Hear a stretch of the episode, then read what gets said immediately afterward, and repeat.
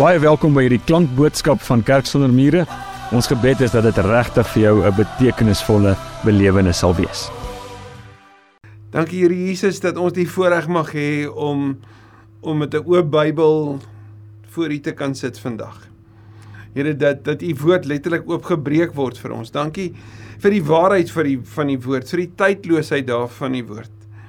Here ons leef in 'n wêreld wat wat dit eintlik vir ons so maklik maak om net aan te pas en oor te gee en deel te neem en wat wat net vir jou gee wat wat jy wil hê amper soos 'n soos 'n spyskaart wat ook al jy wil gee wat ook al jou gier is wat ook al jy jy sou wil versoek jy kan dit kry. En dan het ons u woord wat oop is vir ons en wat so dikwels kontra die spyskaart van die wêreld is. Ek bid daarom dat u vir ons deur die gees so sal intrek na die mooi van die evangelie na die waarheid van u woord en dat Here dat ons die spyskaarte van hierdie wêreld sal sien vir wat dit is. Kunsmatigheid. Asseblief kom doen dit vandag. Trek ons na u hart toe, trek ons na u wil toe en kom praat met ons. Dankie vir die tyd saam met u en op hierdie manier ook saam met mekaar. Ek bid dit in die naam van Jesus, die Here wat vir ons kom wys het wat dit beteken om regtig te leef. Die Here wat deur sy lewe te gegee het vir ons na die lewe toe kon roep. Ons eer U daarvoor in Jesus se naam. Amen. Amen. Ek lees die storie wat wat van wat gebeur het toe Muhammad Ali in die vleuer van sy lewe op 'n Boeing 747 vliegtuig klim. En die vlugvaardin kom verby, die lugvaardin, en sy sê vir hom: "Meneer Ali, sal jy asseblief jou veiligheidsgordel vasmaak?" En toe sê aanhou om vir hom te sê: "Hoorie, maar maak net jou veiligheidsgordel vas." Toe verloor hy dit. En hy sê vir haar: "Superman het nie 'n veiligheidsgordel nodig nie." En sonder om te blik of te bloos of eers te dink, sê sy: "Ja, maar Superman het nie 'n vliegtyg nodig nie." Ons leef in 'n wêreld vol supermen en superwomen. Dit word oral vir ons gewys van hoe belangrik mense dink hulle is. Ek onthou, daar was so 'n advertensie gewees 'n paar jaar terug van wat ook by 'n lughawe geskied is. Van hierdie man wat kom om 'n om om te eis dat die vrou vir hom voordeel sal gee. Voordeel bo die ander. En dan dan sê sy vir haar, "Maar weet jy wie ek is? Weet jy wie ek is?" En dan gaan sy so op die afkondiging en dan maak sy 'n publieke aankondiging en sy en sy sê Hoorie sal iemand asseblief hier na die toonbank toe kom want hier's 'n man wat nie weet wie hy is nie. Hy weet nie wie hy is nie. Jy sien ons het 'n wêreld wat vir ons hierdie valse beeld van van die eie ek voorlaat gee. Ek bedoel op die sosiale media's word dit elke liewe dag in ons gesigte gesit. Dis hoe goed ek kan lyk. Dis hoe goed ek kan optree. Dis hoe hoe hoe wonderlik my prestasies is. Ons word gebombardeer daarmee. Ons word vertel, hoorie, maar jy moet trots wees op jou identiteit. Jy moet trots wees op jou herkoms. Jy moet trots wees op die mens wat jy is. Jy moet staan op jou regte. Jy moet veg vir hierdie. Jy moet doen daai. En alles oral hier in die middel van hierdie groot speletjie van waar ek in die middel is, is daar hierdie gogga wat ons eintlik byt. Hierdie gogga van trots. Het die gogga jou al gebyt? Met my al gebyt. Maar sien ons hom raak wanneer hy daar is. En wat sê die Bybel oor trots? Ek onthou hoe toe ek groot geword het, dit so 'n belangrike deel was van van 'n daaglikse herinnering van dat jy trots sal wees. Trots op jou herkoms, trots op jou taal, trots op, trots op, trots op, trots op, trots op. Jy moet regop staan want 'n trotse man lyk so. En daar's verseker nie fout met alle forme van trots nie. So wat sê die Bybel oor trots op myself wees? Oor eie trots en die gevaar daarvan. So ons gaan vandag saam op reis gaan. Ons gaan na 'n paar tekste kyk. Ons gaan sien byvoorbeeld reg in die begin dat trots so oud is soos die berge. Kyk 'n bietjie mooi wat sê Spreuke. Spreuke 16 vers 18 sê op hoogmoed volg ondergang, op selfverheffing volg 'n val. Op hoogmoed volg ondergang hoogmoed. Wat is hoogmoed anders as om neus in die lug soos die psalmskrywer dit sou neerpen te leef? Om neer te kyk op ander. Om te dink ander is so 'n bietjie van 'n trappie laer. Hulle is minder werd as ek. Hulle is nie so belangrik as ek nie. Hulle is nie so vaardig as ek nie. Hulle kan nie gaan vakansie hou waar ek kan vakansie hou nie. Ja, so kan ons die voorbeelde maar aanhou noem. Ja, trots, hoogmoed is so oud soos die berge. Maar wat sê die Bybel vir ons oor die gevaar daarvan? Want dit is 'n gegeewe realiteit dat dit nog altyd daar was. Ek bedoel as Salomo dit neerpen is dit regtig eeue eeue eeue eeue eeue terug al. Maar wat sê die Bybel oor trots? En ek wil graag saam met jou op reis gaan daarmee. Ons sien dat trots jou van God af wegdraai. En ons sien dit in Genesis 11. Jy weet Genesis 11 is die is die hoogtepunt. Genesis 4 tot 11 is eintlik die die opsomming van van van sonde op sy ergste. Jy kan Genesis 1 tot 11 gaan lees en jy gaan die storie van die wêreld sien en hoe dit homself herhaal die hele liewe tyd. God se straf op die sonde en die mense reaksie. Genesis 11 natuurlik die storie van die toring van Babel en ons lees vers 4. Toe sê hulle Dis daai mens wat in beheer wil wees. Toe sê hulle: "Kom ons bou vir ons 'n stad met 'n toring waarvan die punt tot in die hemel reik en ons maak vir ons 'n naam. Dan sal ons nie oor die hele wêreld versprei word nie." Kom ons word so belangrik. Kom ons word so groot, so sterk dat ons selfs tot op die hemel, tot in die hemel kan opgaan. Ons kan die hemel bereik en ons kan alles bestuur met ons taal en ons manier. En dan weet ons wat gebeur het net na die chaos die die mense daar tref. Die Babelse verwarring wat daar uitloop. In Deuteronomium, net 'n paar boeke later, lees ons as jy nie hoofstuk 8 vers 12 en dan tot en met vers 14. As jy nie gehoorsaam is nie, kan dit gebeur dat jy genoeg eet en mooi huise bou en rustig woon dat jou groot vee en jou klein vee baie word, dat jou silwer en goud vermeerder en jou besittings al hoe meer word, en dat jy dan hoogmoedig word en die Here jou God vergeet wat jou uit Egipte uit die plek van slawerny bevry het. Nou die vorige gedeelte vir hier van Deuteronomium 8 gaan oor om jou geloof in gehoorsaamheid te leef. Ag ons sien dit daar in, in Romeine hoofstuk 16 wanneer Paulus sou sê maar dat jy moet glo en dat jy moet gehoorsaam wees. Jy kan die twee nie van mekaar skei nie. Geloof word gedoen en wanneer jy dit doen, dan wys jy dat jy glo. Dit is interafhanklik van mekaar. Ons sien Jakobus beskryf dit ook so. Maar eeue terug daar in Deuteronomium se wêreld kom sê Moses waarskynlik hier as as skrywer die volgende wat so belangrik is deur gehoorsaam te bly, deur gelowig te volhard, deur aanhou om jou geloof te beoefen, om dit te leef. Vergeet jy nie hoekom jy hier is nie. Vergeet jy nie jou storie nie. Vergeet jy nie die verlede nie. Vergeet jy nie God se dade nie. Vergeet jy nie wie God is nie.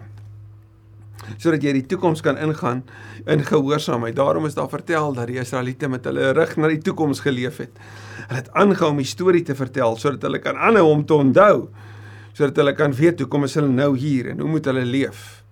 Maar as ek en jy die die Bybel gebruik as 'n as net 'n ek wil amper sê 'n slaaptyd storie wat dit nooit sal kan wees nie want as ons hom regtig lees gaan ons vir altyd wakker bly. Nê? Nee?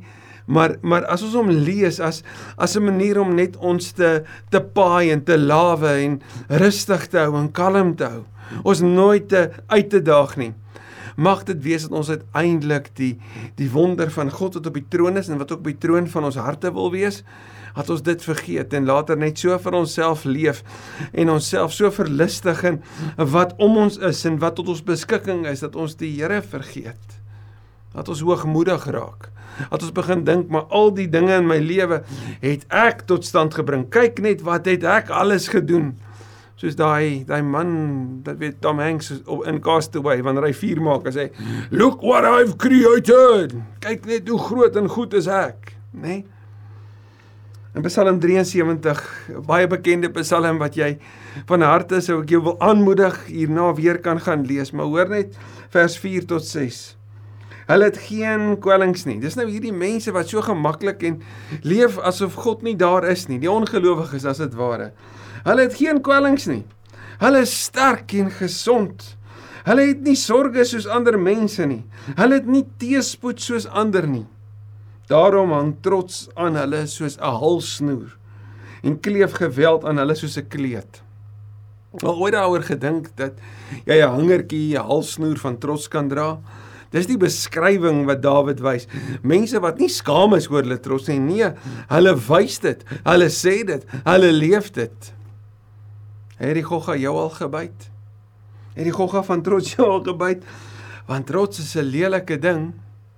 En daar's drie goggas wat ek vir jou wil uitwys wat jou en my kom byt en en soos wat 'n 'n spinnekop 'n mens sou kon byt en jy nie daarvan bewus is nie maar later kan jy die effek daarvan sien in jou liggaam jy kan dit voel hoofpyn en siekte en ja dit kan selfs die dood beteken Hier's vir jou drie goggas waarvan waarna ek en jy so moet voorpas op en moet uitkyk.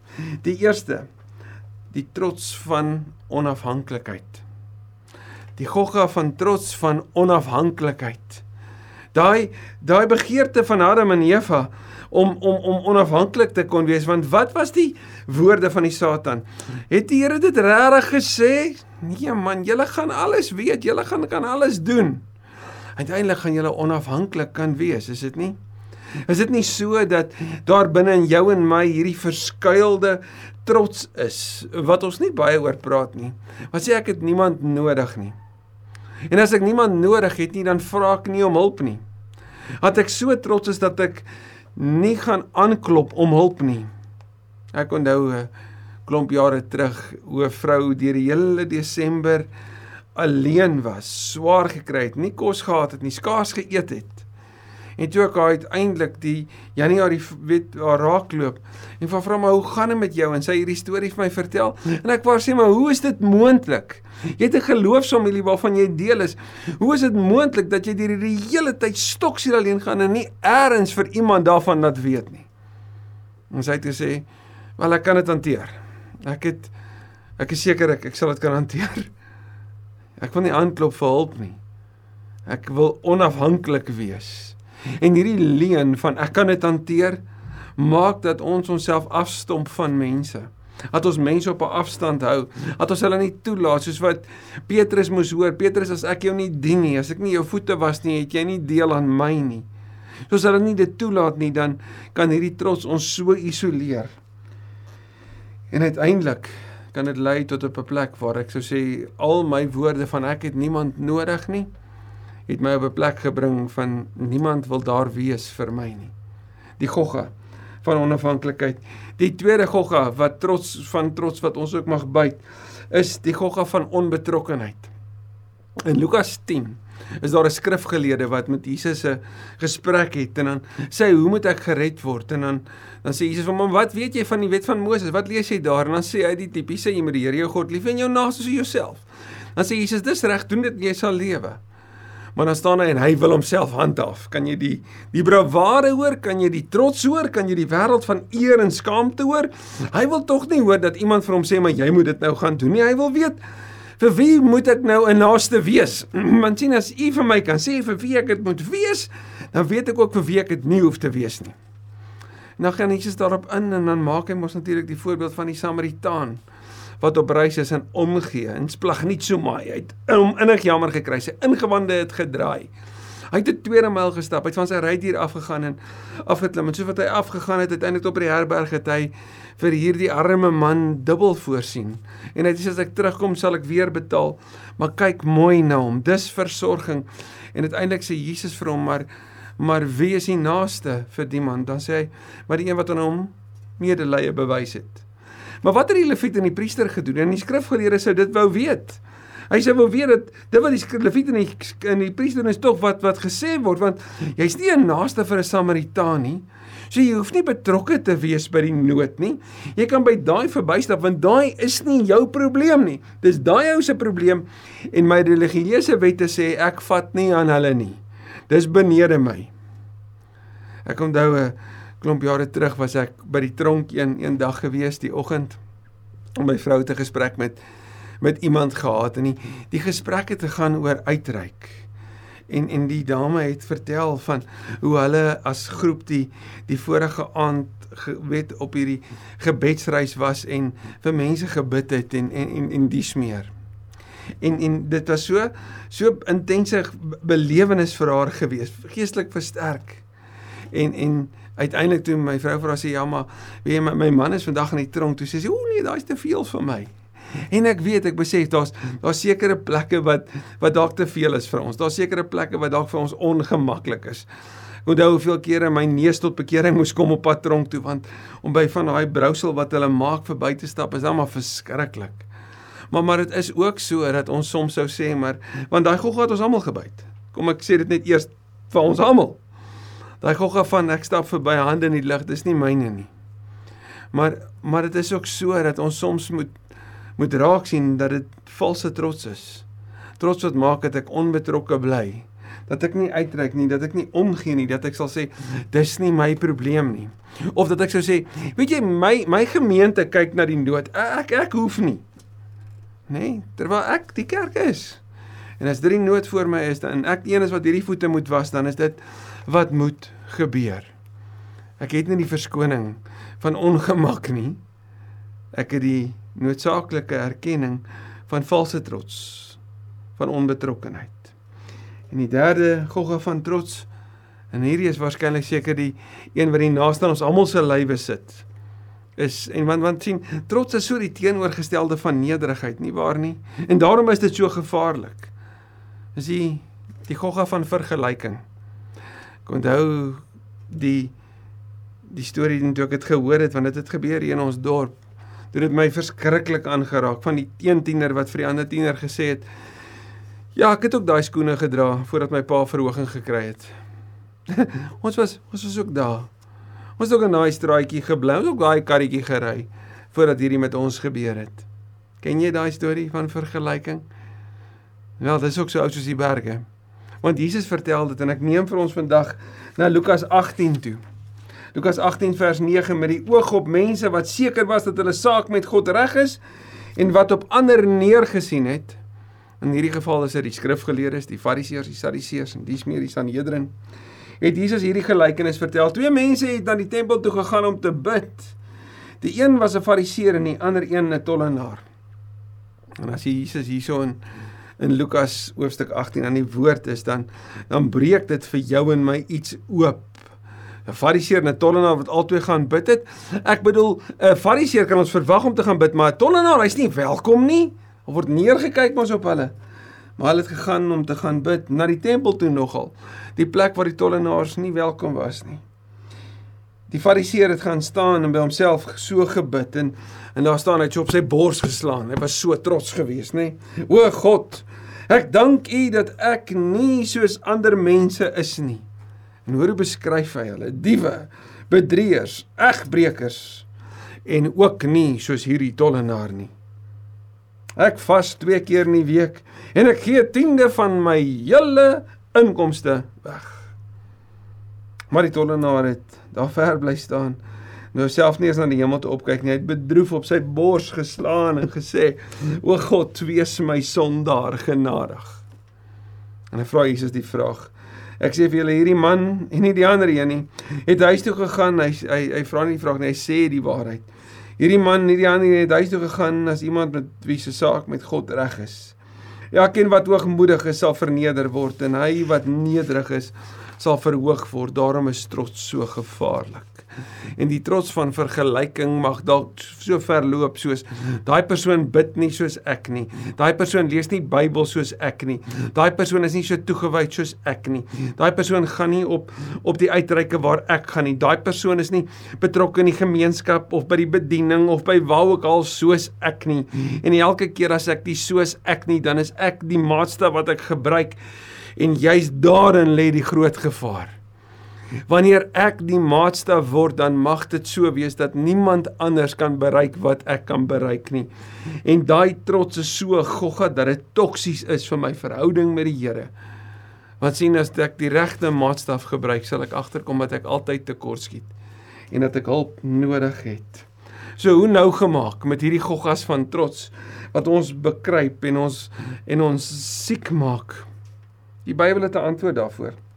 Ons sien Filippense 2 Sê Paulus daarvan in vers 5 tot 11. Dieselfde gesindheid moet in julle wees wat in Christus is. En dan beskryf hy Christus se roete. En ons het hierdie so mooi uitgepak in in in in die tyd van jy weet ehm um, toe ons daar oor paastyd stil geword het rondom hierdie teks. Hierdie onderste booroete, Jesus wat hom verneder het. Hy het verlaag. Hy het onder ons kom woon, hy het gesterf van 'n kruis. En dit God hom verhef. En dieselfde gesindheid is met ander woorde die gesindheid van afwaartse beweging. Iemand het dit eendag beskryf as downward mobility. As altyd plek af. Dis waar ons hierdie Samaritaan gevind het, nê? Nee? Daaronder waar hy besig is om te help. Waar was Jesus voete onder? Daar waar die voete is. Dis waar ons moet wees. As Paulus oor sy eie lewe skryf, dan skryf hy in Filippense 3 vers 4 tot 7, skryf hy oor hierdie statuur, hierdie mens wat hy is en was, hierdie trots wat hy op homself kon hê. Ek bedoel hy's 'n Hebreër, uit die stam Benjamin, hy's 'n Fariseer, 'n skrifgeleerde. Hy leef die wet uit. Daar's niemand soos hy gelyk nie. In sy ywer is hy die was hy die vervolger van die kerk wat natuurlik die gelowiges was. Niemand was so belangrik soos hy nie, sy status sy statuur, sy posisie in die samelewing en ja ook sy herkoms waar hy geleer het onder die beste van die bestes. Beskou hy dan as skibalon, as verwerplik, as uitskeiding. Hy sê want die teenvoeter hiervoor is ek wil Jesus ken wat my reeds ken. Ek wil dit alles myne maak omdat Jesus my reeds syne gemaak het. Want om Jesus te ken, sê Paulus, oortref alles in waarde. Wat is die teenvoeter vir die toksisiteit in my hart? Hierdie gogga van trots en van vergelyking en van neerkyk. Dis die belangrike om agter Jesus aan te stap om hom in die versuur te hou, om hom voor oë te hou, om te sê ja Here, soos Jesus. En wat leer ons by Jesus? Ons sien Johannes 13 dat Jesus voete was. Ons sien Romeine 5 dat Jesus verzoening bring. Ons sien dit ook in Kolossense 1. Verzoening beteken hy die prys betaal vir ons vryspraak. Hy het betaal dat ons vrygemaak kan word. Dit beteken om ander vry te maak en hulle nie gebind te hou aan skuldgevoelens omdat jy valse mag het nie, omdat hulle te laat gaan. Ons sien hoe hy hulle vryspreek Johannes 4, die Samarita die vrou by die put, nê? Nee?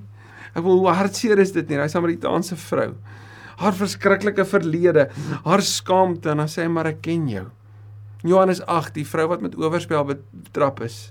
Hoe hy haar vryspreek. Ag, gaan kyk maar vir Petrus. Petrus in sy skaamte, hoe Jesus vir hom 'n nuwe kans gee. Hy hou nie aan om hom daaraan te herinner nie. Hy spreek hom vry. Paulus, wat sal beleef hoor jy maar Maar Jesus het in in Handelinge 9 my kom ontmoet waar ek op pad was om die gelowiges by te kom en hy het my vrygespreek. Daarom kan ek vryspreek. Hoe verwys Paulus na homself? Hy sê ek is die minste, die geringste van hulle almal. Wanneer Jesus die maatstaf word vir my lewe, dan bly ek op koers. En dan gaan ek die hele tyd sê Here, wees my sondaar genadig. sien die teenvoeter is om die mooi van die dorings in ons vlees raak te sien. Paulus skryf in in 2 Korintiërs 12 oor sy eie lewe en hy sê om te keer dat ek hoogmoedig word het die Here vir my doring in die vlees gegee. 3 maal het ek hom gebid, neem dit asseblief weg. Daar vers 7 tot 10. En dan en dan hoor hy by die Here nee. En dan sê hy die Here het vir my kom sê, my krag kom juis tot werking wanneer jy swak is. So nie wanneer ek hoogmoedig en sterk en verwaand en trots is nie, Maar wanneer ek nederig is, wanneer ek swak is, want wanneer ek swak is, sê Paulus, dan is ek sterk. Want dan is my roem in hom om te roem in Christus. Dis al wat ek en jy kan doen. Hy is ons hoop. Hy is ons maatstaf. En hoe meer ons gestroop word van hierdie valse trots wat ons dalk mag hê, hoe meer kan ons soos Jesus word. En as ons die Jesus lewe ontdek, dan ontdek ons al meer dit gaan oor hom nie oor my nie. En dan kom ek vry vry van hierdie geforseerde vergelykings. Geforseerde gesprekke wat nie oor my gaan nie, maar oor status. Dit gaan nie eers oor my nie, dit gaan oor wat die samelewing sê. Nee, ek is vry, ek kan praat oor hom en hoe goed hy is. Galasiërs 6 vers 14 lees ons Maar wat my betref, mag God verhoed dat ek ooit iets oor iets anders sal roem as oor die kruis van ons Here Jesus Christus. Want deur die kerk deur die kruis, ekskuus, is die wêreld vir my dood en ek vir die wêreld. So kom ek sê af met 'n laaste laaste gedagte van Jesus se eie boetie.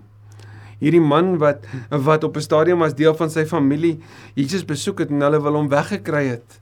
Daar waar hy besig was om mense te leer. Sommige sê gesê man Jesus is van sy trollie af dat hy God sy Vader noem, nê? Nee? Bedoel hierdie man wat so tot bekering gekom het, so tot die besef gekom het dat Jesus die Here is, dat hy homself 'n doelos van sy eie boetie noem. Sy naam is Jakobus. Jakobus ou camel knees. Jakobus die boek van wysheid skryf in hoofstuk 4 vers 6 die tweede deel daarvan die volgende God weerstaan die hoogmoediges maar aan die nederiges gee hy genade so geliefde hoor al om ons hoor ons die klank van trots trots wees trots oor jou herkoms trots oor jou storie trots oor jou lewe trots oor jou identiteit wees net trots trots dat jy staan vir dit dat jy staan vir dat gaan ek aan jy vandag sê Alwaar ek wil roem is in die kruis. Die kruis van Christus. Dis my baken, dis my hoop, dis my identiteit. Jesus is die Here van my lewe. Wel, dan is daar ook vandag vir jou my kans om die genadewater te kom drink. Van Jakobus 4 wat sê aan die nederiges gee hy genade. As daar trots is in jou lewe vandag wat die Here kom openbaar, die trots van vergelyking, O, en dit kan so godsdienstig as moontlik klink en so geestelik as moontlik klink. Hulle worship en lofprys nie soos ek nie. Hulle woon die kerk by soos ag noem dit wat jy wil. Ons ons sit almal met een of ander trots vorm van vergelyking, nê? Wil jy nie vandag dit kom bely nie? Hierdie gogga van onafhanklikheid. Die gogga van onoorwet onbetrokkenheid en die gogga van vergelyking. Wil wil jy nie saam met my vandag kom bely? Here, wees my sondaar genadig nie. Ek het U nodig. Kom maak my skoon van hierdie virus, hierdie toksiese virus wat my siek maak en en en wat my dood maak hier binne. Sodat ek vry van myself kan leef en regtig kan lief hê en kan dien. Kom bid saam met my. Dankie Here vir U genade. Dankie dat ek vandag my trots voor U kan kom erken my geneigtheid en ek sal dit nie verander sê nie om te vergelyk.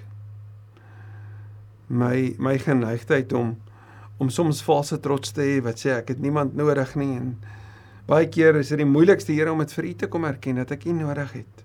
Regtig nodig het. Nodig het u my vergewe die my nuut maak nodig het Here want ek kan hierdie goed nie op my eie reg kry nie dit is my moeilik om dit te kom erken my geneigtheid om nie verander te sê wat my behoefte regtig is nie. Dat ek regtig swaar kry nie. Dat ek sukkel met hierdie sonde of met met daai dwelm dat ek 'n substansie het waarvan ek afhanklik is. Of 'n geneigtheid het om op 'n ander krik te steun as op U en dat dit my verhoudings vertroebel. Daai trots Here wat ek het van onbetrokkenheid. Dat ek dit oorgee vir ander, dat ek afwesig bly, dat ek nie opdaag nie, dat ek verskonings uitdink sodat dit gemaklik vir my kan wees. Want eintlik is uitreik en afbuk en 'n ander toe uitreik is is nou eintlik nou nie regtig my koppie koffie of koppie tee waarvan ek hou nie. Dit pas nie by my nie. It's not my cup of tea.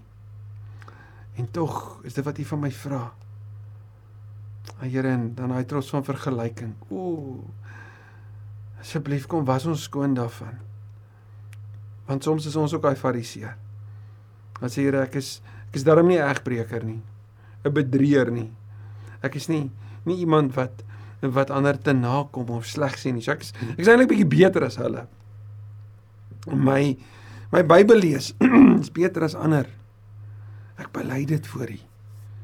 Kom was my skoon. In Jesus se naam. Amen. Indien hierdie boodskap vir jou iets beteken het, dan wil ek vir jou vra Deel dit asseblief met iemand wat jy ken. En moet asseblief nie vergeet nie, ons sal jou bitter graag wil verwelkom by ons in-persoon eredienste op Sondag. Vir meer inligting oor Kerk sonder mure, is jy baie welkom om ons webtuiste te gaan besoek of ons op sosiale media te volg.